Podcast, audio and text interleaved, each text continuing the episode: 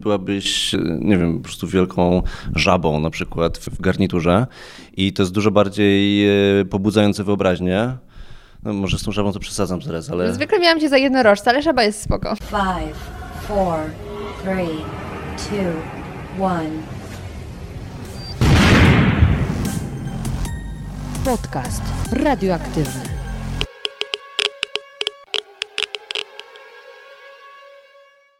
Dzień dobry, dzień dobry! Witam Cię w kolejnym odcinku podcastu radioaktywnego. Zgodnie z zeszłotygodniową obietnicą, dzisiaj wracam już z standardowym odcinkiem, to znaczy z odcinkiem z gościem. Z bardzo wyjątkowym gościem, ale zanim do tego dojdziemy, to krótkie ogłoszenia dusz podcasterskie. Przede wszystkim ogromnie dziękuję Wam za wszystkie nowe oceny i komentarze w iTunes. Jest mi niezmiernie miło czytać Wasze wrażenia na temat podcastu. Jest mi niezmiernie miło dostawać wiadomości prywatne, które wysyłacie do mnie na Instagramie. I tam bardzo często dostaję od Was wiadomości, w których mówicie, w jakich sytuacjach słuchacie podcastów, które są Wasze ulubione odcinki. I zazwyczaj odpowiadam wersją wideo, także dostajecie spersonalizowane dzień dobry, dzień dobry ale jest to przede wszystkim kwestia tego, że jest to najbardziej naturalna dla mnie forma komunikowania się dlatego właśnie odpowiadam w wersji wideo, a nie piszę suche słowa. Kolejne ogłoszenie jest takie, że witam na pokładzie nowych patronów. Jest mi naprawdę niezwykle miło, że jest Was coraz więcej i tak hojnie wspieracie podcast. Bardzo dziękuję. Z dumą każdego dnia spoglądam na Was, patroni wiszący nad moim łóżkiem. Tak, to prawda, powiesiłam Was. E, i jest mi z tego powodu bardzo dobrze. E, I ostatnie ogłoszenie jest takie, że oczywiście, e, tak jak w przypadku wcześniejszych odcinków, również ten dzisiejszy odcinek jest dostępny w wersji wideo na YouTubie. Pojawia się on zawsze o godzinie 17 w poniedziałek. Także zapraszam o godzinie 17, wówczas będziecie mogli zobaczyć mojego dzisiejszego gościa. No właśnie, a kim jest mój dzisiejszy gość? Ten człowiek żyje i utrzymuje się z tego, że świetnie improwizuje. Ale prawdopodobnie nie w taki sposób, jak myślicie. To znaczy, nie improwizuje w momencie, kiedy szef go pyta o zeszłotygodniowy raport, nie improwizuje, kiedy nagle okazuje się, że jest niezapowiedziane kolokwium, a także nie improwizuje, chociaż w sumie nie mam stuprocentowej pewności, w momencie, kiedy żona pyta go, gdzie był zeszłej nocy. Nic z tych rzeczy. Mój gość zajmuje się prawdziwą sztuką, jaką jest teatr improwizacji. Paweł Najgebauer ze Szkoły Impro opowie w dzisiejszym odcinku o tym, czym jest improwizacja, jak rozpocząć swoją przygodę z teatrem improwizacji, jak wyglądają warsztaty impro, kto ma szansę zostać prawdziwym mistrzem improwizacji i jakie są z tego płynące korzyści, jak improwizacja pomaga w pracy, w codziennym życiu, a także jaka jest różnica między impro a stand-upem, bo może nie ma żadnej i właściwie jest to ta sama sztuka. O tym wszystkim usłyszycie w dzisiejszym odcinku. Będzie się działo, bardzo serdecznie zapraszam Was do wysłuchania naszej rozmowy. Mój drogi Pawle, spotkaliśmy się dzisiaj tutaj, aby porozmawiać o bardzo dla mnie ciekawym temacie. Mhm. Myślę, że dla Ciebie również, że się z nim związałeś. Nie mogę się doczekać, co to za temat. co nie? Porozmawiamy o e, sytuacji na Bliskim Wschodzie. Wspaniale. Cudownie, na to czekałeś. Mm, jak weszliśmy tutaj do tego pomieszczenia, bo siedzimy e, w resorcie, w podziemiach, i zapytałeś, gdzie siadamy. Jak zobaczyłam, że jest scena, to powiedziałam, że idziemy na scenę, bo to będzie mój pierwszy i ostatni raz. I powiedziałeś, że każdy, kto przychodzi do Was na warsztaty, tak mówi, a później ciężko e, ściągnąć go ze sceny. Czy tak rzeczywiście jest? E, nie. Kłamałeś, dzięki. Kłamałem, znaczy trochę przesadziłem, nie jest tak z każdym, bo jest autentycznie coraz więcej osób, które przychodzą już z myślą występowania mhm. i, i przychodzą na zajęcia pierwsze, drugie, już w tym momencie są na etapie formowania grupy i już myślą o tym, gdzie będą występować i, i tak dalej, i tak dalej. E, I coraz więcej jest takich ludzi. Mm, I w ogóle ani to dobre, ani złe. To tak naprawdę nic nie znaczy. W, z mojego doświadczenia jest tak, że te wszystkie grupy gdzieś tam rozpadają się, łączą, zanikają. Ludzie się nudzą tym albo, albo wręcz tak wsiąkają, że już po prostu nigdy z tego nie wychodzą. E, ale jest cały czas spora grupa ludzi, która przychodzi na zajęcia tylko po to, e, żeby się ośmielić, żeby sobie robić coś kreatywnego po pracy albo po zajęciach na studiach.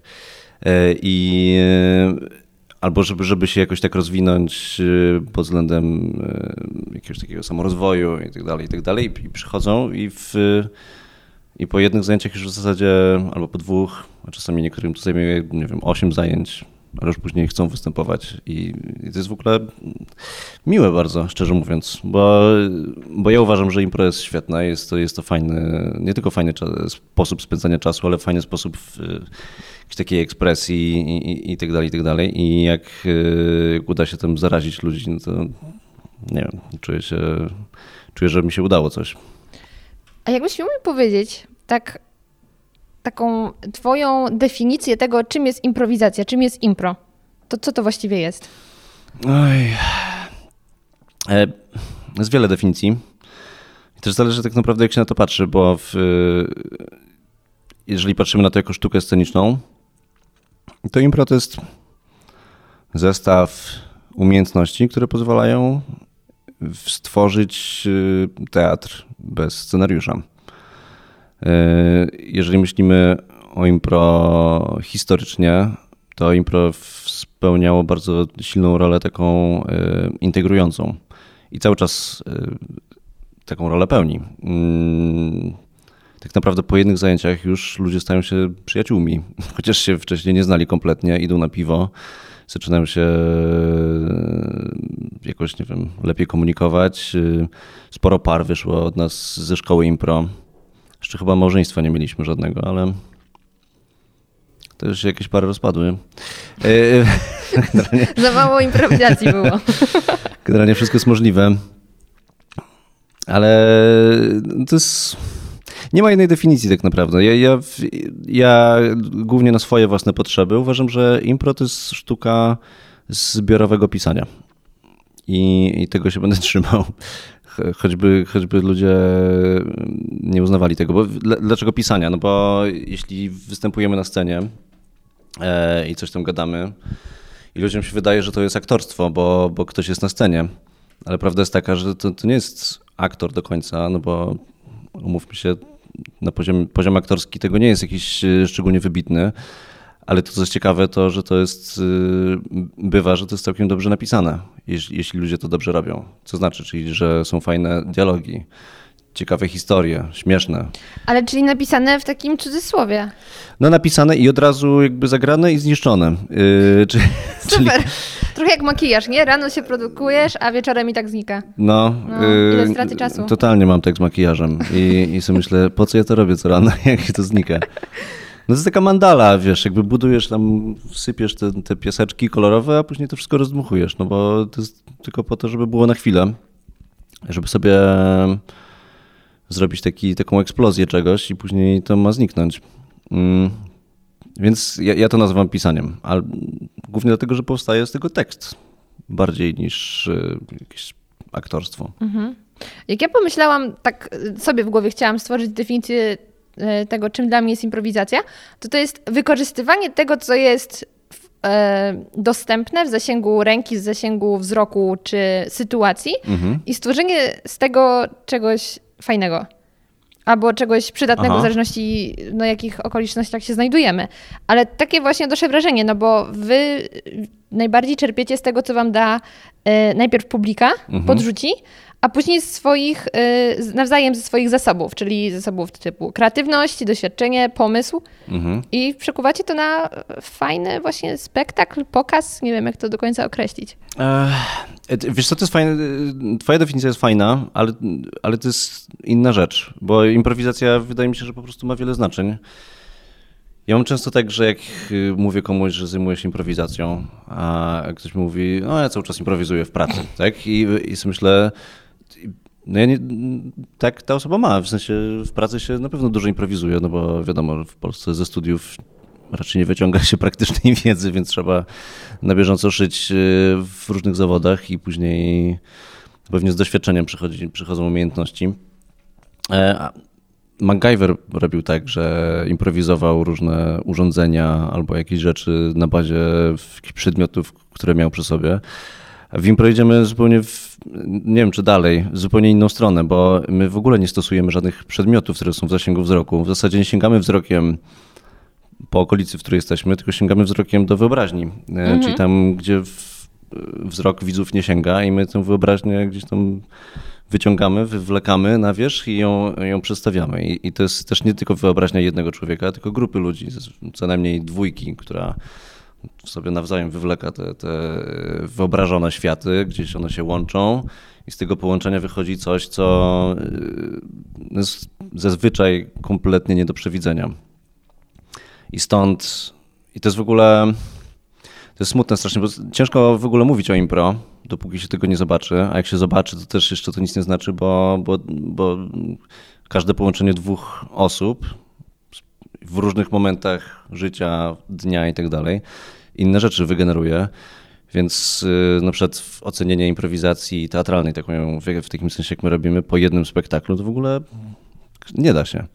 Oglądając wiele spektakli, można stwierdzić, no dobra, to jest mniej więcej o to w tym chodzi. Nie wiem, zapędzi, zapędziłem się w, w tym tłumaczeniu, ale... yy, Mówisz dobrze. Tak, chodzi o to, że w, nawet wręcz ja na zajęciach y, w szkole impro mówię ludziom, żeby się nie odnosić do tego, jak wygląda druga osoba. Że jak ja bym z tobą teraz grał scenę, no to bym nie odnosił się do tego, że masz nie wiem, pofarbowane włosy i że masz y, Różową bluzę różową bluzę e, z, z nazwą swojego podcastu. No bo Lokowanie to jest bardzo produktu. ograniczające, tak? Że to nie jest, to nie jest w świecie wyobrażonym. Tak? Dla mnie byłabyś, y, nie wiem, po prostu wielką żabą na przykład w, w garniturze i to jest dużo bardziej y, pobudzające wyobraźnię. No, może z tą żabą to przesadzam teraz, ale... Zwykle miałam cię za jednorożca, ale żaba jest spoko. No tak, ale właśnie, widzisz, y, jak, jakbyś, jakbyś była tym jednorożcem za każdym razem, to też y, odcinasz sobie różne możliwości y, w światów, które można wytworzyć. A jak cię zrobię żabą i ty stwierdzisz, kurde, jeszcze nie byłam żabą, mogę być żabą, to jest spoko. I, i, i to jest trochę, na, na tym polega ten proces improwizowany, że nie wykłócamy się o to, czy ja jestem żabą, czy nie jestem żabą, tylko, tylko stwierdzam, Gram miliard spektakli w tygodniu. Mogę być żabą w tym momencie. Nie będę się o to kłócił. Dużo ciekawsze jest, co wyjdzie z tego, jak się zgodzę, że jestem żabą, niż to, jak będę się wykłócał, czy faktycznie jestem żabą. Jest taka zasada, się nazywa tak i w improwizacji. Jest najbardziej podstawowa rzecz. Żeby nie kłócić się o fakty. Czy te fakty wyobrażone oczywiście. Powiem ci, powiedziałeś już tyle rzeczy, że mam tak dużo pytań, tyle punktów zaczepienia, że nie wiem od czego zacząć. Więc zacznę od, ym, od początku. Jak zaczęła się Twoja przygoda z impro? Na pewno mówiłeś to wiele razy, więc tak poproszę Cię w skrócie, żebyś nie musiał przytaczać y, wszystkich faktów. Mm, ale w którym momencie stwierdziłeś, spoko, chcę spróbować? To był mroźny poranek w stycznia 2011 roku, kiedy stwierdziłem, że nie mogę tak dłużej żyć, jak żyję. Zaczyna się jak dobra komedia romantyczna. Yy, tak, tylko nie romantyczna i nie komedia. Po prostu byłem w... No to trafiłam. Yy, I niedobra. Yy, wszystko się zgadza poza tym. Ja byłem bardzo, byłem w dużej depresji, wydaje mi się. Yy, I, I miałem bardzo dużą niechęć do tego, co robię w życiu. I brakowało mi jakiejś twórczości. Pracowałem w, w korporacji, robiłem jakieś potwornie żmudne i nudne rzeczy. A głównie nie robiłem ich, tylko wyobrażałem sobie, że je robię. Chodziłeś do pracy. Chodziłem do pracy, tak. Ten, ta praca spędzała mi sen z powiek, dosłownie, bo musiałem się budzić rano i, i, i wstawać. To było trudne. No i y, miałem koleżankę, e, to jeszcze było grono wtedy? A może już, już był Facebook. Oj, mogło być jeszcze grono. I wiedziałem, wiedziałem że, że istniała taka grupa jak Klancyk, która improwizuje i ona była moją koleżanką z podstawówki. Gdzieś tam nawet, nawet się z nią nie, widyw, nie widywałem w, żaden, w żadnym stopniu, ale miałem ją na mediach społecznościowych, więc wiedziałem, że robi coś takiego jak, jak impro i że jest Klancyk i jakoś taki byłem sceptyczny w stosunku do tego, ale zobaczyłem w pewnym momencie, że prowadzą warsztaty i z totalnych nudów, z jakiegoś zmęczenia życiem po prostu poszedłem na te warsztaty i się zakochałem w tym. I, I, pierwszym moim nauczycielem był Michał Sufin, który, który jest współzałożycielem Klancyka. I jakoś to tak mnie natchnęło, że nie mogłem się od tego oderwać i się wciągnąłem i to było takie moje hobby. Robiłem to po godzinach, chodziłem na zajęcia i jakaś grupa powstała i tak dalej, i tak dalej. E, No i to się przerodziło mi w pracę w pewnym momencie. Dokładnie w wiosenne popołudnie 2014 roku. Kiedy Czyli już po trzech latach. po trzech latach, y, kurde, to faktycznie były trzy lata. Tak, po trzech latach, bo w międzyczasie wyjechałem do Stanów, uczyłem się tego tam. Yy, Sam zacząłem prowadzić zajęcia. Trochę wydaje mi się, że za wcześnie zacząłem prowadzić te zajęcia, ale z drugiej strony też nie było nikogo w Warszawie poza tam jakimiś pojedynczymi osobami, które prowadziły te zajęcia. Było coraz większe też zapotrzebowanie na to. Teraz jest jakaś taka absurdalna sytuacja, że jest potwornie dużo ludzi, którzy się tym zajmuje, wszyscy uczą, wszyscy mają swoje grupy albo 50 grup. Jestem w jakiejś niezliczonej ilości grup i, i ciągle występuję i ciągle prowadzę zajęcia. E, I po prostu to jest jedna z tych historii, kiedy hobby zamienia się w pracę e, i zaczyna się nienawidzić swojego hobby. I miewam tak czasami, ale, ale wystarczy, że pojadę na wakacje i wraca mi radość. Teraz na przykład jest, sezon się zaczął, jest po wakacjach i mam znowu takie, ale fajnie. A jak byłeś w Nowym Jorku i w ogóle w Stanach, bo Mhm. jeszcze chyba byłeś gdzieś poza Nowym Jorkiem, tak? No, byłem w kilku miejscach w Stanach. Mhm. To powiedz mi, e, od jak dawna tam to impro było już takie popularne? No bo u nas, Mhm. myślę, że jak ty zacząłeś swoją przygodę, to też były takie początki tego impro, nie? Mhm. To y, jak to wyglądało w Stanach? W Stanach w latach 50. to już zaczęło się robić większe, ale to też były tam takie początki. Tak naprawdę improv tam ma trochę dłuższą historię i trochę wzięło się właśnie z pracy społecznej. I większość takich ćwiczeń improwizowanych, y, które się robi na rozgrzewkę, czy na to, żeby się nauczyć takich podstaw improwizacji, to wzięły się z pracy społecznej z lat 30., y, z Wielkiej Depresji i, i z y, ruchów takich, żeby integrować imigrantów. I później to zostało przeniesione do teatru i ktoś tam stwierdził, że kurde, w sumie można zamiast uczyć aktorów, jak improwizować, to samo w sobie ten proces tej nauki improwizacji już jest fajny i dlaczego by tego nie pokazać? No i to są właśnie jakieś tam lata 50., koniec lat 50., E, lata 60. była już tak- taka grupa, która w telewizji robiła improwizację. Też jakieś takie to było dziwne, coś tam śpiewali, coś, coś ględzili. I tak naprawdę taki mega rozkwit tego to był koniec lat 80. w Chicago i, i lata 90. I wtedy też y, chicagowskie ośrodki przyniosły się do Nowego Jorku. Tam wybuchła kolejna jakaś rewolucja improwizowana. Też do Los Angeles w międzyczasie się przenieśli, więc to były takie trzy silne ośrodki, gdzie improwizacja rosła. W Los Angeles trochę bardziej użytkowo na potrzeby y, takie, że tam są aktorzy, jest duży, duży przemysł filmowy. W Nowym Jorku też trochę związane to jest z przemysłem telewizyjnym. Dużo, dużo improwizatorów trafia do telewizji, y, do do jakichś programów komediowych. E, Ale, ale tak naprawdę no to taka historia bardzo dużej popularności impro no to jest ponad 30 lat y, w Stanach. Czyli bym powiedział. niezła historia i taka kultura już się narodziła. Tak, i tam, tam jest tak, że kilka lat temu jechałem Uberem w Chicago i jechałem do Second City, który jest właśnie takim teatrem instytucjonalnym. To jest taki multiplex impro i też oni tam trochę odchodzą od impro, robią jakieś skecze i tak dalej. Yy, I to powstało właśnie pod koniec lat 50. No to jak ten koleś, który mnie wiózł w tym Uberze, to powiedział, a zna impro, bo on tam kiedyś yy, ćwiczył to. I w zasadzie tam wszyscy to robili gdzieś, na różnych etapach. W- Na studiach ktoś był właśnie w grupie improwizowanej albo, albo to oglądał po prostu. I, I ciężko znaleźć osobę, która by o tym nie słyszała. I tam nie trzeba tłumaczyć, czym to jest. W Polsce to jeszcze myślę, że wiele lat minie, zanim będzie tak, że ludzie będą mylili to ze stand-upem, albo z kabaretem, albo, z, albo w ogóle nie będą wiedzieli, co to jest. Dobra, no to skoro zahaczyłeś o stand-up, czy, czy nawet myślę kabarety, bo niektórzy też mogą gdzieś daleko popłynąć, no to powiedz mi, na ile jest rozróżnienie między stand-upem a impro? Bo y, na początku, jak tłumaczyłeś mi, czym jest impro, to mówiłeś, że to jest też czerpanie z tego, co ta druga osoba chce zrobić. No a stand-up to jest zwykle jedna osoba. Czy to jest podstawowe rozróżnienie, że tu masz jedną, a tu masz dwie? Czy to są tak różne światy, że to nic nie ma wspólnego? Nie powiedziałbym, że to są tak potwornie różne światy. Na pewno podstawową różnicą jest to, że jest faktycznie w stand-upie jest jedna osoba z mikrofonem, a w impro masz dwie lub więcej osób bez mikrofonów. I to jest najprościej, jak można rozróżnić w ogóle impro. E, jak, jak, jeśli e, słuchacze widzą osobę z mikrofonem i jest sama na scenie i mówi śmieszne rzeczy albo próbuje być śmieszna, to to jest stand-up. To my nie jesteśmy stand-upem. Tak, my, są, są, dwie osoby, z mikrofonami. No i skreślenie. To jest podcast. Jeśli są dwie osoby z mikrofonami i mówią rzeczy śmieszne albo próbują być śmieszni, to to jest podcast. Jest jaka cudowna definicja. A jeżeli są osoby bez mikrofonu i są śmieszni albo próbują być śmieszni, no to to jest impro. To tak na bardzo podstawowym poziomie.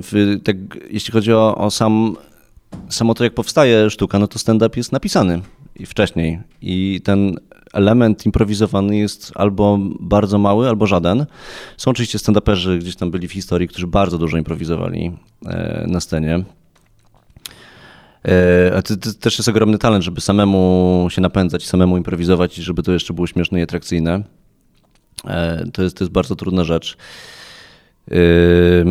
Ale też dlatego y, stand-uperzy często przychodzą ćwiczyć impro, żeby się w tym zakresie jakby podszkolić, żeby też trochę uwierzyć w swoje umiejętności, w swoją kreatywność, w to, że są w stanie wymyślić śmieszny żart nie tylko w, u siebie w domu na kanapie, ale też po prostu na żywo przed publicznością w momencie, gdy ten występ trwa. E, I no impro, impro jest pomocne w tym, bo impro jest takie kontekstualne, że, że w impro nie wymyślasz żartów per se, tylko jeżeli powstaje tam jakiś humor, to on jest w kontekście tego, co się dzieje. Jest to, jest to, jest to zazwyczaj jakiś humor sytuacyjny i raczej nie szukamy w impro żartu e, dla samego żartu, ale, ale ten żart się pojawia jako, jako efekt uboczny. E, Mam wrażenie, że to wymaga niesamowicie dużej inteligencji takiej. Bo takie żarty sytuacyjne. Może. E, I tak i nie. I to zależy, czego oczekujemy po tym. No, ja uważam, że inteligencja się przydaje generalnie. Tak życiu, mówią, nie? W życiu, tak, tak gdzieś tam przeczytałem. Ale są też. Ja, ja, nie wiem. Wydaje mi się, że inteligencja też potrafi bardzo przeszkadzać w improwizacji. Często, yy, jak przychodzi mi ktoś bardzo inteligentny na zajęcia, to to jest inny rodzaj pracy, którą muszę z taką osobą przeprowadzić. I do szkoły impro przychodzi właśnie dużo osób które oglądając impro widzą, o kurczę, to jest inteligentne, ci ludzie bardzo szybko reagują na siebie, ja też jestem inteligentny, to pójdę, bo też, też będę taki śmieszny jak oni. I w tym jest, jest trochę słuszności, a jest, jest pewna pułapka w tym myśleniu, bo, bo inteligencja zakłada, czy jeśli ktoś jest inteligentny albo uważa się za inteligentnego, co czasami się spotyka w jednym punkcie, to taka osoba bardzo chce myśleć na scenie. A, a myślenie na scenie bardzo przeszkadza, bo człowiek za, wchodzi do swojej głowy i zastyga i, i zaczyna rozkminiać, co, co, co to za sytuacja, o co chodzi i tak dalej. Jak wypadnę i tak też. I zaczyna myśleć, jak wypadnie i zaczyna się też cenzurować, bo sobie myśli, o kurde, nie, to co chcę teraz powiedzieć, to nie jest zbyt inteligentne. Wyjdę na idiotę, więc tego nie powiem. A to, cholera, to też nie wiem, czy to jest za mądre, to też tego nie powiem. I to jest bardzo blokujące. E, a to, co impro mówi, co to bądź idiotą. Nie bój się tego, że, że wypadniesz na durnia. I, I, to jest taki kluczyk do mózgu tak naprawdę, żeby od, od wyłączyć swojego wewnętrznego krytyka. A u osób, u osób inteligentnych często ten wewnętrzny krytyk jest bardzo silny. I to im bardzo w życiu oczywiście pomaga, bo, bo często to są osoby, które wiem, pracują w bardzo wymagających zawodach, są jakimiś nie wiem, matematykami, lekarzami, informatykami, prawnikami. I oni muszą y, panować nad tym, co robią, co mówią i tak dalej, bo to, są, to, są, to jest bardzo ważne w ich zawodzie, a w impro, a impro pozwala na głupotę. Impro totalnie pozwala na głupotę. W impro dużo ważniejsza niż ten genialny pomysł jest y, reakcja. I często jest to reakcja, która jest emocjonalna, a dopiero później przychodzi myśl za tym. I to jest trochę tak jak w życiu, że, że najpierw nas coś wkurza, później wiemy dlaczego, e, niż wiemy dlaczego, więc się wkurzam. E, no tak, też, w psychologii tak jest dużo teorii tych, jak powstają emocje. Tak, i, sprzeczne. I, I właśnie w impro jest pierwotna ta emocja i, i powinno się z niej korzystać. Jak ktoś jest inteligentny, to często też emocje ma trochę przytępione No bo emocje nie są za mądre, nie, emocje nie są inteligentne. W emocjach czasami ciężko znaleźć logikę, ale w emocjach jest człowieczeństwo, więc jakby, a, a my szukamy tego człowieczeństwa na scenie, w, więc trochę trzeba tę inteligencję zablokować. E, to jest, to jest jakiś paradoks, bo to się wydaje mądre, a często jest bardzo głupie bo jest, bo jest takie bardzo zwierzęce. I na scenie ktoś coś mówi, ktoś coś robi i my zaczynamy na to reagować, po prostu wkurza nas to, cieszy nas to, podniecamy się albo jesteśmy obrzydzeni i z tego dopiero wychodzi improwizacja. Dużo bardziej niż pomysł kontra pomysł. Ktoś mówi pomysł, ja mówię pomysł i z tego wychodzą jakieś gadające głowy, które nie mają nic wspólnego z prawdziwym dialogiem. Tylko są jakimś przerzucaniem się e, e, inteligentnych tekstów.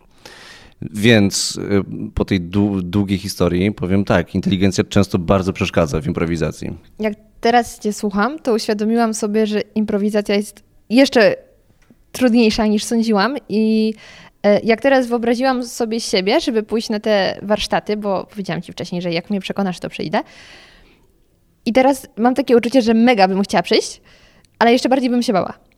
Więc powiedz mi, Aha. co zrobić, żeby przyjść na warsztaty? Bo jak już jesteś na tych warsztatach, no to okej, okay, no stało się, jesteś. Ale jak się w ogóle y, ruszyć z domu i stwierdzić, dobra, mogę grać w cudzysłowie głupka w formie, wiesz, reagować mhm. na bieżące sytuacje i nie zastanawiać się, jak to wygląda, bo no mamy ten taki instynkt samozachowawczy i takie, no kurczę, mhm. ale no głupio wypadnę, mhm. albo... Ja wiem, ja kumam to. Yy, najlepiej zapłacić za warsztaty. Yy, I wtedy już trochę nie ma wyjścia. Trafiłeś w punkt, bo że nam nie zawsze to działa. Jak ja za coś zapłacę, to stwierdzam, nie no, hajs poszedł. No i zapłacone, wychodzone. I zaczyna się chodzić. Tak naprawdę to jest be, bardzo bezbolesne, bo ludzie mają różne fantazje przed pójściem na, na impro. Często jest tak, że jest, prowadzę zajęcia z tak zwaną zerówką, bo mamy tam różne poziomy kursów w szkole impro wieku można trafić znowu do zerówki. Tak, Ekstra. i to jest super, bo to jest taka szkoła, antyszkoła. Tam, tam nie ma ocen, tam wyłączamy oceny i, i to, jest, to jest bardzo, bardzo przyjemne, bardzo odwrotne do tego, co było w szkole.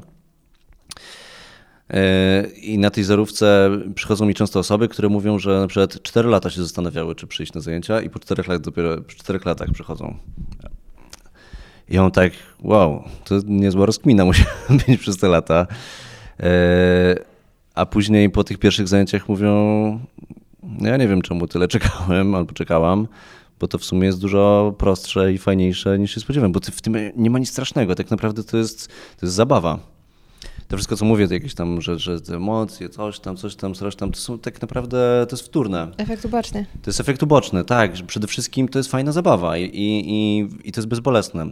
My jak prowadzimy zorówki, czy ja tylko mogę zgadywać, jak moi koledzy i koleżanki w szkole im prowadzą zajęcia, ale na pewno wszyscy świetnie, bo, bo tu gdzieś tam ci ludzie zostają i, i przychodzą i, i, i, wszyscy raczej instruktorzy są, czy nie raczej, po prostu wszyscy są lubiani.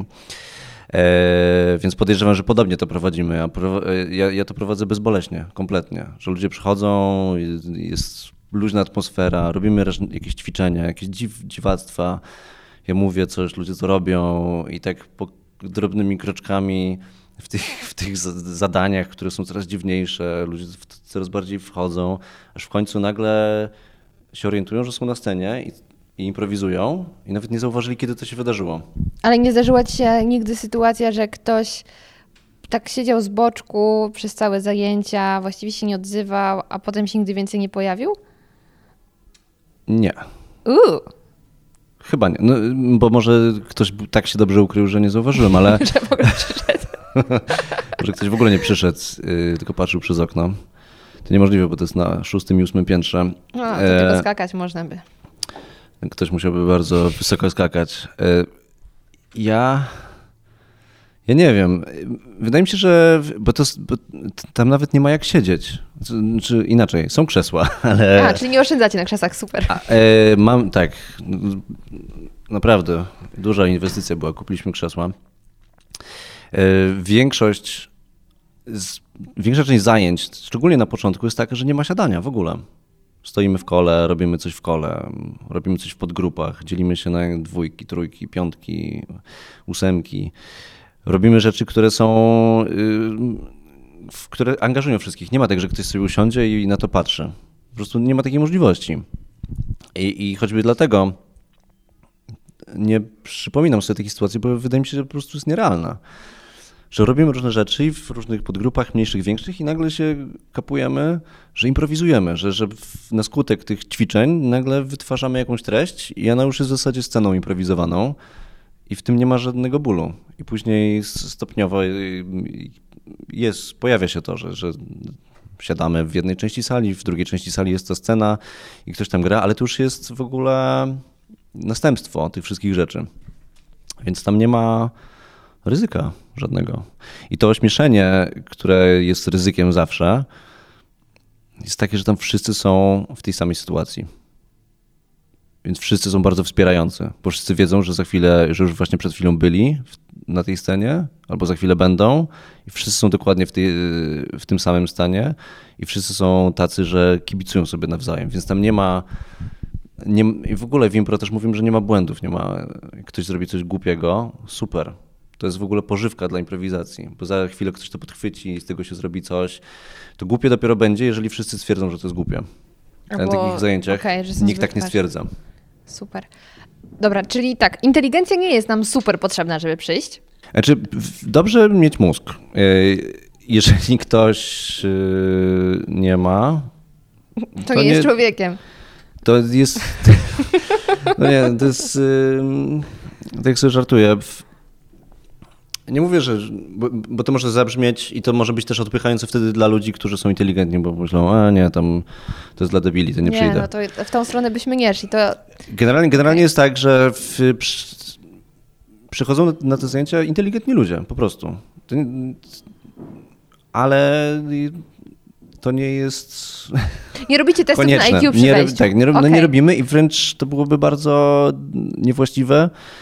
I co więcej, by bardzo nam szkodziło nie tylko dlatego, że, że to po prostu byłoby źle widziane, tylko że my nawet nie chcemy mieć osób z wysokim IQ, no bo IQ nie jest jedyną miarą inteligencji. Tak? To jest, IQ mierzy bardzo specyficzną rzecz. Znaczy jest Myślenia, inteligencja emocjonalna. tak, bo, bo IQ mierzy bardzo konkretną inteligencję. Jest, jest to inteligencja taka analityczna, inteligencja w znajdowaniu y, pewnych zależności, w y, znajdowaniu ciągów, znajdowaniu tego, jak rzeczy pasują do siebie. I to jest super ważna rzecz. I w ogóle w impro, w takiej idealnej grupie impro, Najlepiej, żeby była jedna osoba taka, która ma wysokie IQ, jedna osoba, która ma wysoką inteligencję emocjonalną, jedna osoba, która ma wysokie poczucie odpowiedzialności, jedna osoba, która jest kompletnym, ale to kompletnym debilem. W sensie mówię, z, z, z, mówię z, z miłością debilem, w tym sensie, że taka osoba nieprzewidywalna, taki faktor X, który po prostu palnie coś i to jest pożywką dla tego. Tak? I, I jak mamy taką konstelację takich osób, to taka grupa impro jest pełna, bo ona, ona ma wszystkie elementy, które są potrzebne. I oczywiście każda z tych osób uczy się od pozostałych. Osoba z wysokim IQ uczy się od tej osoby e, z inteligencją emocjonalną, jak używać emocji. Wszyscy uczą od tej osoby odpowiedzialnej, jak brać odpowiedzialność na siebie za e, spektakl, a ta osoba odpowiedzialna uczy się, jak zdejmować siebie odpowiedzialność od reszty. Tak? I to jest, e, to jest wtedy wspaniała wymiana. Więc tak naprawdę jakąkolwiek pozycję w życiu nie przyjmujemy, to zawsze znajdziemy swoje miejsce w impro. Jeszcze niedługo po na przykład Smoleńsku było tak, że wszyscy chcieli słuchać o Smoleńsku. Krzyczeli Smoleńsk. To były ciężkie lata. Już teraz trochę to minęło ludziom, ale było kilka lat takich, że ludzie jako słowo inspiracji krzyczeli Smoleńsk.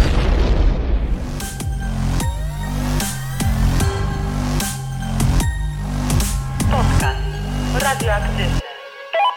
Dzień dobry, dzień dobry. Powiedz mi, są jakieś umiejętności, cechy, które bardziej nam pomogą y, się wczuć w impro i łatwiej to złapać? Y, I takie, które wręcz przeciwnie będą nam na początku trochę utrudniać. To, co utrudnia, jest jedna taka cecha, która utrudnia i to jest yy, chęć kontroli. Dobra, jestem na przegranej pozycji. I, I nie jesteś na przegranej pozycji, bo to jest, to jest duża praca, którą można wykonać i warto wykonać, moim zdaniem. Ja miałem dużą potrzebę kontroli na początku i, i bardzo dużo osób ma potrzebę tej kontroli. To wynika z różnych powodów. Wynika z, doświadczenia, bo ktoś po prostu, nie wiem, jest menedżerem yy, i, i musi ogarniać, i po prostu już ma tak wk- wklejone w głowie, że, że to jest rola tej osoby. Albo, tak, albo to wynika z lęku na przykład. Ktoś się boi, że coś pójdzie nie tak, więc lepiej to skontrolować, bo, bo, bo, bo ta osoba wie lepiej, jak powinna być. Nie chcę wnikać, jakie to mogą być przyczyny, też nie jestem psychologiem, ale, ale też różne mechanizmy obserwuję. I, i na to też są ćwiczenia, jak to odpuszczać. I to jest, to jest stopniowy proces. I niektórym to przyjdzie dłużej, niektórym, niektórzy szybciej to załapią, ale to jest jedna z umiejętności, którą trzeba posiąść, bo jeżeli będziemy kontrolować, to, to my z takiej grupy po prostu wy, wyjdziemy. Bo impro nie, po, nie pozwala trochę na kontrolowanie. Impro Praca jest, grupowa, nie? Tak, impro, impro jest, nawet, to nawet nie jest demokracja w żadnym stopniu, to jest pewnego rodzaju organiczność, tak? Że rzeczy się tworzą, gdzieś tam pączkują i bardziej to wynika z, z takich mikropowiązań, które się tworzą, niż tego, że ktoś mówi, dobra, ty teraz robisz to, ty robisz to, a wszyscy tańczą wokół tego, tak? Bo to się, to się zaczyna robić... Taka osoba, jeżeli nie jest w stanie wyjść z tego poczucia kontroli, to powinna zostać reżyserem, jeżeli chce się rozwijać w teatrze. To, jest, to są cechy aktorem dramatycznym. Aktor dramatyczny też yy, wydaje mi się, że przeszkadza aktorowi dramatycznemu chęć kontroli. Tak? No bo jak przyjdzie mu reżyser i powie, co ma robić, no A, to... no to tak, pod tym kątem tak. Dobra, a która cecha łatwiej? Czy przeciwieństwo kontroli? Jest... Nie ma takiej jednej cechy, która powiem, że wow, będziesz świetnym improwizatorem. To jest zes- zestaw cech. I na pewno są to właśnie mm, zarówno poczucie odpowiedzialności, jak i odpuszczenie odpowiedzialności. Są takie, zawsze są dwie strony. Yy, umiejętność yy, odpalenia emocji, ale też taka, żeby to nie przysłoniło nam drugiej osoby. Umiejętność słuchania. To jest, tego nie mogę bardziej podkreślić. Umiejętność słuchania jest najważniejsza w zasadzie ze wszystkiego. Może to jest ta cecha. Hmm. Może to jest ta cecha. Słuchanie. I takie słuchanie pełne, nie tylko co ktoś mówi, tylko jak mówi, jak na mnie patrzy, jak stoi w stosunku do mnie, albo jak siedzi. Yy, Czyli takie- słuchanie i odczytywanie. trochę. tak, tak, takie aktywne słuchanie, bo, bo jeśli ktoś mi coś mówi, ja słucham, mhm, mhm. fajnie, fajnie, ale nie interesuje mnie to. Słuchanie z zainteresowaniem, słuchanie z, z chęcią rozwinięcia tego. Na zasadzie tak i już o której wspomniałem. Impro jest budowaniem historii małymi krokami, a te małe kroki wymagają też usłyszenia tego, co padło do tej pory, zgodzenia się z tym i, i, i rozbudowywania tego. Impro to jest takie słuchanie całościowe. Jak, y, co do tej pory się wydarzyło, w co to się układa, kim ja jestem, kim jest ta osoba tutaj, co my robimy na świecie i, i tak dalej. A powiedz mi, jakie osoby przychodzą e, na warsztaty? Mhm. Czy na przykład jest więcej kobiet, mężczyzn, jaki wiek, czym się zajmują na co dzień? Chyba już chyba jest porówno kobiet i mężczyzn w tym momencie, bo było, bywało różnie. Bywało tak, że było przewaga kobiet, bywało tak, że przewaga mężczyzn. W ogóle to z, zaczęło się od, od takiego męskocentrycznego świata, yy, bo zawsze jakieś było takie przekonanie, bywało takie przekonanie wśród ludzi, niektórych ludzi, że mężczyzna będzie bardziej śmieszny od kobiety. A nie było to bardziej kwestia tego, że kobiety mniej e, chcą się, może nie ośmieszyć, ale mają takie poczucie, że nie chcą wypaść śmiesznie? Być może. Ja nie, ja nie wiem, bo, bo to jest jakaś taka ciągnąca się dyskusja o, o kobietach w komedii i, bar, i, i bardzo, dużo, bardzo dużo tego się pojawia i są bardzo różne zdania na ten temat. Ja, ja nie mam jakiegoś bardzo silnego zdania. Ja, ja, nie uważam, że ktoś powinien, powinien czy nie powinien tego robić. Bardziej patrzę na fakty, czyli na to, ile faktycznie osób przychodzi i mogę raczej zgadywać, dlaczego tak się dzieje. Kobiety być może, no nie wiem, można tam ewolucyjnie powiedzieć, że kobiety nie mogą ryzykować, bo, bo coś tam, a, a, a faceci bardziej ryzykują, bo coś tam i, i to są jakieś takie argumenty typu, e, że tak było 100 tysięcy lat temu, czy 200 tysięcy lat temu i być może te argumenty są słuszne, ale, ale walisz to. nie. Nie, w sensie, że to nie ma znaczenia e, w, w tym momencie. Może to ma wpływ na staty- statystykę, ale indywidualnie to w ogóle nie ma żadnego znaczenia. E, Więc y, wydaje mi się, że to jest porówno jest, jest kobiet i mężczyzn. Raczej, raczej mamy ludzi w wieku od 25 do 45. E, Czyli, czyli jest duża nadreprezentacja ludzi 30, plus, bym powiedział.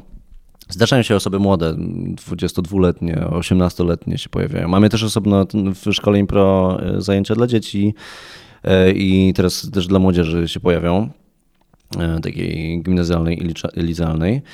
E, I mamy też zajęcia dla seniorów, więc w zasadzie pokrywamy całą możliwą, cały możliwy zakres wiekowy, ale te, na te takie klasyczne zajęcia w improwizacji dla dorosłych, no to właśnie 25-45 ludzie zajmują się bardzo różnymi rzeczami. Część jest artystów, ludzi, przedstawiciele wolnych zawodów, ale, ale są też prawnicy, są też ludzie, którzy zawsze tak z jedna trzecia grupy to są ludzie, którzy pracują w korporacji. Nie mówią w jakiej. Wszyscy pracują w korporacji i, To wiele wyjaśnia. E, e, tak, i, i nawet i, i, nie wiem do końca. No niektórzy mówią na przykład, że są z HR-ów, albo że są z IT, albo że są menedżerami. Nie, nie ma klucza już w zasadzie.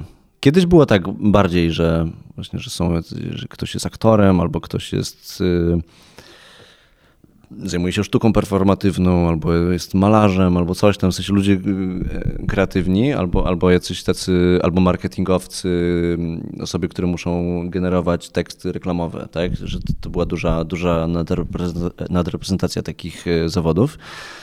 Teraz się to bardzo rozmyło. Naprawdę bardzo szeroki wachlarz przychodzi. Na mojej grupie dla patronów zadałam pytanie, y, jakie y, pytanie powinnam Tobie zadać, jakie mają pomysły. I pojawiło się właśnie y, zapytanie odnośnie tego, jak bycie takim impromasterem pomaga w pracy zawodowej. Więc co byś wymienił? Nie wiem, bo moją pracą zawodową jest impro, więc impro mi bardzo pomaga w pracy zawodowej. Nie wątpię. E, ale my prowadzimy taki projekt w szkole impro, czy taki projekt. Typujemy jedną osobę w tygodniu, która jest naszym e, bohaterem programu Fokus na ucznia. Jedną z pytań e, jest tam, jak pomagać impro w pracy. I ludzie w bardzo różny sposób y, odpowiadają, ale to, co tak często się pojawia, y, to na przykład, że impro pozwala im się lepiej komunikować. Albo impro pozwala im z większą życzliwością spojrzeć na pomysły innych osób. Ja nie wiem, czy to pomaga w pracy, bo może w niektórych pracach lepiej się źle komunikować. Ja, ja już, ja nie wiem, ja nie wiem, Chyba ale, nie. ale ja głęboko wierzę, że to pomaga i to na bardzo wiele różnych sposobów i czasami może nawet na takie nieuchwytne sposoby, że impro, impro pozwala się też tak wyluzować, impro pozwala zapomnieć o tym, że o Jezu, jest, mam być mądry i mam być coś tam. Tak, y, praktyka pokazuje mi, że nawet lepiej postrzegane są osoby, które potrafią się wygłupić i mają z tym luz. No, Bo to są osoby, tak, które, na które się mówi... spiny w ich towarzystwie, nie? Bo się nie mówi o takiej osobie, że o, jakieś, jaka sztywna osoba, tylko o Jezu, jaki clown. Ale inteligentny clown, nie? W sensie, że to jest osoba, która dobrze wykonuje swoje zadania, plus potrafi się wykupić. To jest takie fajne, fajne połączenie. I też osoby y, często, które pracują w takich zawodach, które wymagają od nich prezentacji, na przykład prowadzą szkolenia albo, albo są jakimiś y, ekspertami w swojej dziedzinie i też y, przekazują tę wiedzę komuś albo prowadzą jakieś, nie wiem, spotkania firmowe i tak dalej, no to w impro bardzo pomaga w tym, żeby po pierwsze nie bać się, że nie, że nie zapamiętamy tego, co jest w prezentacji, nie bać się tego, że, że coś się popieprzy po drodze i że sytuacja wymknie się spod kontroli, bo impro daje taki spokój. Impro mówi, cokolwiek się nie wydarzy, będzie ok. Mm, ja jeszcze powtarzam ludziom zawsze, Przestańcie się przejmować w ogóle rzeczami, bo, bo wasz mózg całkiem dobrze działa bez waszego udziału.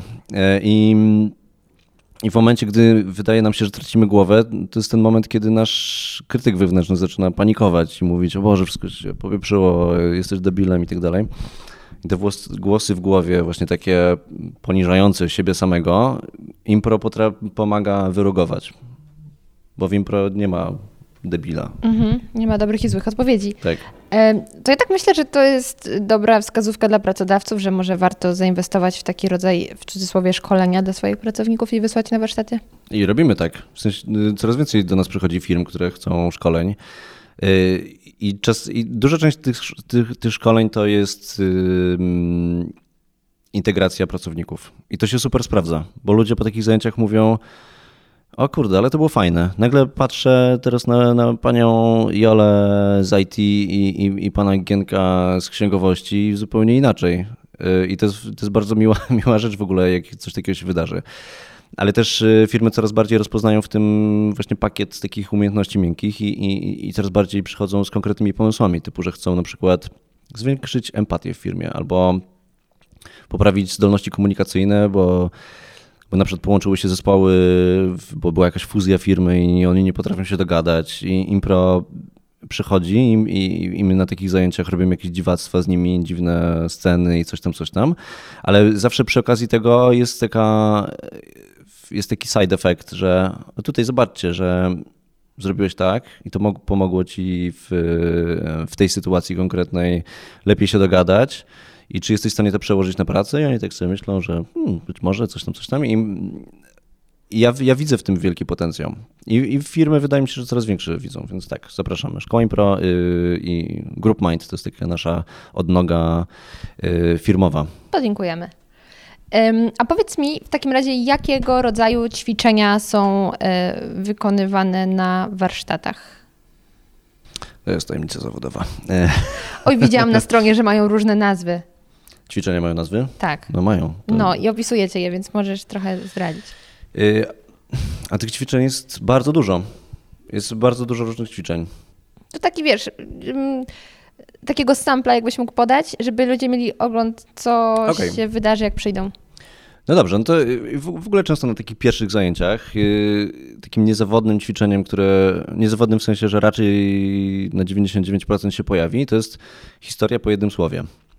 I to jest, to jest takie ćwiczenie, które pokazuje w ogóle całą ideę improwizacji w bardzo małej skali i w bardzo prosty sposób. To jest tak, że grupa staje w kole i, i, i po kole kolejne osoby tam zgodnie z kierunkiem wskazówek zegara mówią kolejne słowa, które mają się układać w zdania, a te zdania w historię. E, ja zwykle prowadzę tak, że najpierw e, mówię im, żeby opowiedzieli historię taką znaną. Na przykład historię o czerwonym kapturku, bo zazwyczaj to jest historia o czerwonym kapturku, bo to jest jedyna jakaś baśń, którą wszyscy na pewno znają. Faktycznie. Jak tak na szybko bym miała pomyśleć jakiejś innej, to... Rzadko kiedy się pojawia coś innego. Kiedyś był Szrek i raz chyba był, był Jasi Małgosia, ale też ludzie nie byli o, zgodni co do tego, co tam się wydarzyło. Czerwony kapturek jest, tak, jest takim uniwersalnym, w ogóle to jest uniwersalne na świecie. Jak prowadzę zajęcia gdzieś y, y, za granicą albo tutaj po angielsku, bo też przychodzą do nas jacyś ekspaci albo e, e, Erasmusi, to też zazwyczaj ludzie to jest jakieś wspólne doświadczenie na świecie, że ludzie są zgodni co do tego, że czerwony kapturek jest historią, którą znają. No ale okej, okay, więc ja już z tego czerwonego kapturka słyszałem miliard razy, jak ludzie opowiadają po jednym słowie i za każdym razem jest inaczej. Za każdym razem jakoś te, te, te historia się na początku często jest tak, że jest jakiś długi wstęp, że są jakieś trzy zdania i to przelatuje te kółko kilka razy, bo zawsze ktoś tam w jakieś słowo wsadzi, które tę historię gdzieś wywali w jakąś stronę i zaczynają szyć i te, te, te, te słowa gdzieś tam wyprowadzają na, na jakieś manowce. I powiedzmy trzy są trzy zdania i jeszcze cały czas nie wiadomo o co chodzi z czerwonym kapturkiem. A to ćwiczenie nie może trwać w nieskończoność, więc mówię, że trzeba trochę tutaj znaleźć tego bohatera i tak dalej. I oni później już dwa zdania podsumowują wszystko i się historia kończy. Albo, albo nigdy wręcz nie dochodzi do połowy. E, I no i co uczy to, to, to ćwiczenie? Po pierwsze, słuchamy, co mówi reszta, bo jak nie słuchamy, to nie wiemy, jakie słowo powiedzieć. To jest podstawowa rzecz. Druga sprawa uczy prostoty. Jeśli zaczynamy kombinować zdania wielokrotnie złożone, to jest duża szansa, że wszyscy się w tym pogubią. Proste zdanie. Prost, impro powinno składać się z prostych elementów, które złożą się na coś bardzo skomplikowanego. Ale ta prostota pojedynczych cegiełek jest istotna. Yy, co więcej, przejście do rzeczy, tak? Że dlaczego robić jakieś nieskończenie długie wstępy, skoro ważny jest ten bohater, tak? Ta, ten, ten czerwony kapturek, ważny jest ten wilk. A często pierwsze trzy zdania to jest opis lasu, y, y, opis tego, jak w ogóle y, mama przygotowuje czerwonemu kapturkowi koszyk i coś tam. I to jest w ogóle trzy czwarte całej historii. A, a, a, a, to, jak się opowiada historię, to się przechodzi często od razu do rzeczy. Tak, że e, przysłowiowe, a raczej książkowe ogary poszły w las, że to jest pierwsza kwestia, już jest akcja, tak, że już się dzieją rzeczy. E, To uczy też takiej e, współpracy, że my wspólnie staramy się zrozumieć, o co nam chodzi. To ćwiczenie oczywiście też przechodzi później na taki poziom, że już wymyślamy historię, już nie ma tej znanej historii, a później już wręcz, że nie ma tej kolejności, że po, po kolei idzie, tylko w każdym momencie każdy może coś powiedzieć i zaczyna się coraz większy chaos robić, ale też to zmusza do słuchania, bo już nie, nie ma tak, że ja wiem, że za chwilę jest moja kolej, tylko w każdej chwili może być moja kolej.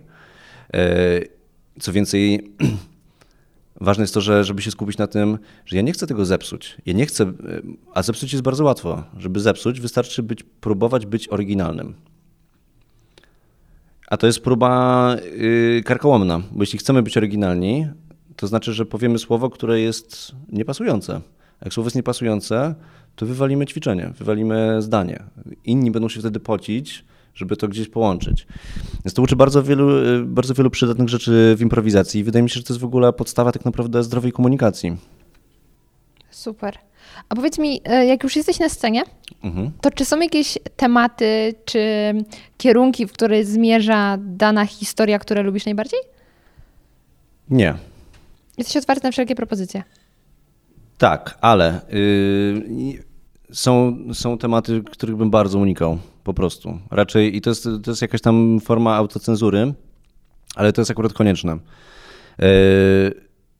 Czas, no nie wiem, w czasach dawniej, jeszcze niedługo po na przykład Smoleńsku, było tak, że wszyscy chcieli słuchać o Smoleńsku. Krzyczeli Smoleńsk. To były ciężkie lata. Już teraz trochę to minęło ludziom, ale było kilka lat takich, że ludzie jako słowo inspiracji krzyczeli Smoleńsk.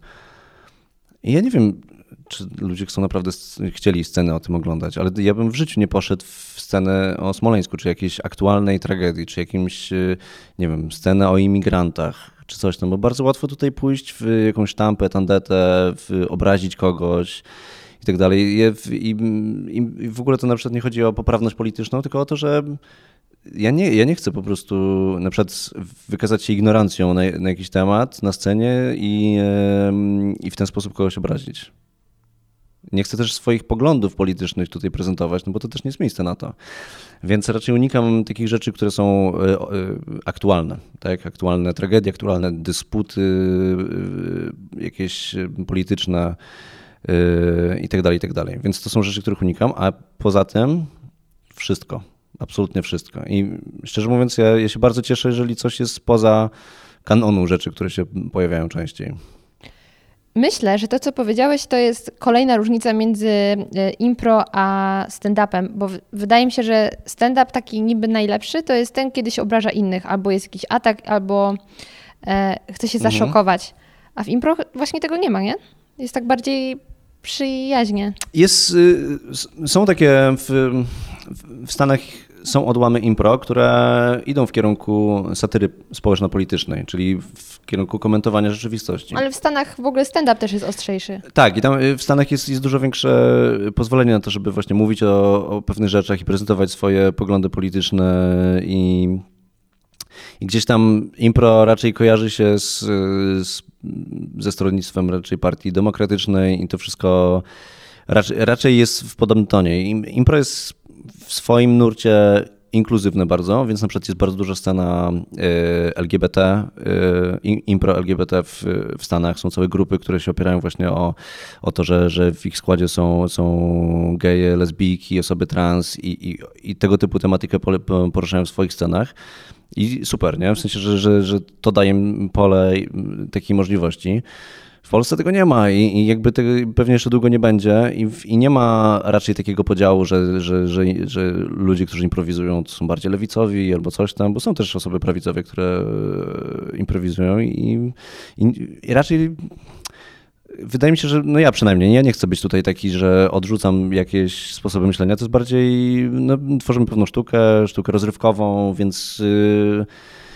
Yy, ja, ja nie chcę szczerze mówiąc wchodzić w jakieś takie tematy. I faktycznie stand-up bardziej bazuje na tym i to jest bardziej e, rola stand-upu pewnie, żeby komentować pewne rzeczy i tak dalej.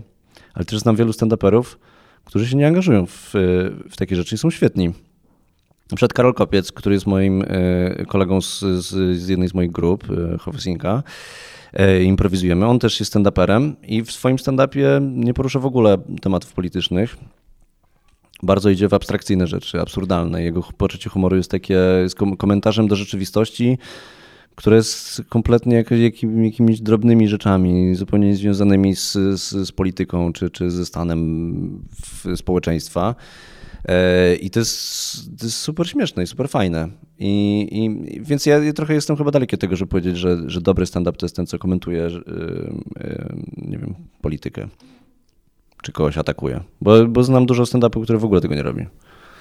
To ja osobiście preferuję ten Okej, typ stand-upu, właśnie kiedy jest grzeczniej, E, bo ja też nie lubię jakoś wylewania e, smutków, żali, czy takiego na siłę szukania afery. Także też wolę, jak jest spokojniej. Ale już tak reasumując wszystko, co tutaj powiedziałeś, to y, dwukrotnie opowiadając o impro, użyłeś słowa depresja. Jedno to było odnośnie tego, jak y, miałeś swoje początki z impro, a drugie, że to też w Stanach się narodziło, jak był taki, taki czas. I doszłam do wniosku, że to naprawdę może być dobry sposób na em, może nie poradzenie sobie do końca, ale starcie się z taką swoją, swoimi problemami różnego typu i jak opowiadasz to, co się dzieje na warsztatach, y, że emocje są gdzieś tam poruszane, to to też może być fajna terapia. To jest niebezpieczne. Wydaje mi się, Nie mówię, że to jest mówienie- zastępstwo terapii, Tak, ale na pewno, na pewno nie można zastępować terapii, jeżeli ktoś ma y, właśnie nie wiem, problemy depresyjne czy, y, czy jakieś in, inne y, problemy psychologiczne. To nie powinno to zastępować terapii. My to w ogóle zaznaczamy w regulaminie, e, że, że impro to nie jest terapia. My nie jesteśmy terapeutami, nie jesteśmy psychologami, nie, nie mamy narzędzi, ani nie mamy y, mamy chęć pomagania, w sensie poczujemy, że w ogóle impro pomaga i tak dalej. My wszyscy wierzymy, że to pomaga, ale my nie wiemy nawet do końca w jaki sposób, że nie, jest, nie uczymy jak żyć, tylko uczymy pewnej konkretnej sztuki tak? i dajemy pewne narzędzia. Jeżeli to komuś pomaga przy okazji, super. Ale nie polecam używania tego w zastępstwie terapii. I, zdarzały się takie osoby, które przychodziły zamiast terapii, ale to nie, ja nie miałem poczucia, że to im y, pomaga tak w 100%, na pewno trochę. Y, Ale nie, absolutnie nie możemy powiedzieć, że to jest y, to. Jest to. No tak jak mówię, dla mnie to nie jest zastępstwo, tylko fajne uzupełnienie Tak, albo... mi to bardzo pomogło osobiście, ale, w, ale ja sam byłem w terapii, nadal zresztą jestem, uważam, że w ogóle polecam terapię ka- każdego. każdemu, nawet jak ktoś czuje, że nie ma problemu. Ja nie mam problemów psychologicznych, często. Nie jestem wariatem. Nie jestem wariatem.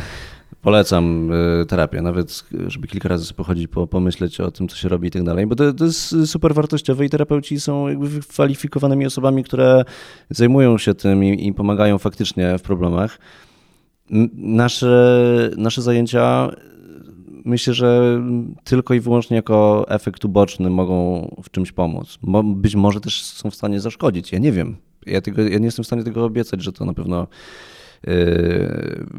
nie zaszkodzi.